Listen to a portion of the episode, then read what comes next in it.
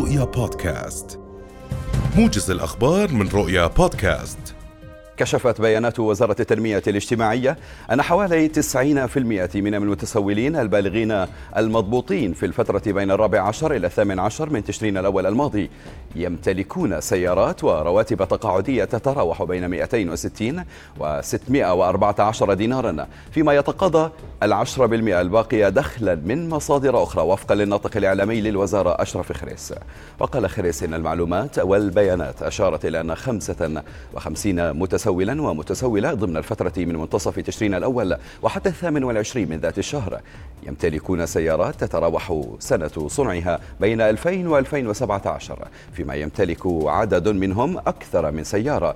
لافتا إلى أن بيانات ومعلومات وزارة التنمية الاجتماعية استندت إلى دراسة أوضاعهم الاجتماعية والاقتصادية. نفذ عدد من سائقي التاكسي الأصفر صباح اليوم اعتصاما أمام مبنى محافظة معان احتجاجا على منح تراخيص للتطبيقات الذكية واستخدام السيارات الخصوصي للعمل مقابل الأجرة وتوصيل الطلبات.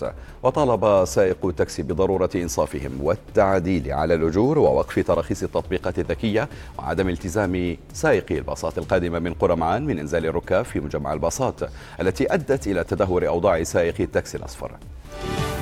أكد رئيس غرفة تجارة عمان أن الانخفاض في أجور الشحن البحري وصل إلى ما يقارب من 15% مشيرا إلى أن هذا الانخفاض المؤقت ضئيل ولن يؤثر بصورة كبيرة على التجار.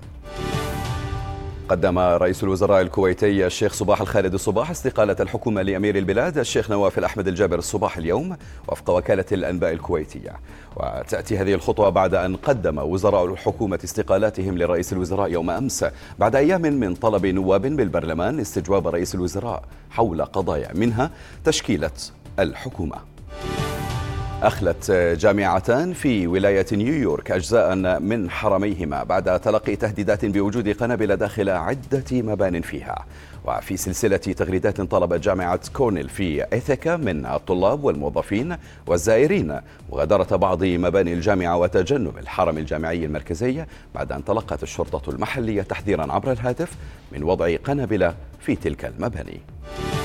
أصيب شرطي فرنسي إثر هجوم بسلاح أبيض في مدينة كان وفق ما أكد وزير الداخلية الفرنسي جيرالد درمان ودرمانان قال إن شرطيا أصيب في كان جنوب فرنسا.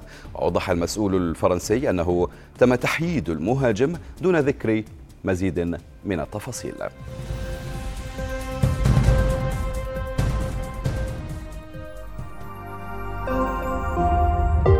رؤيا بودكاست.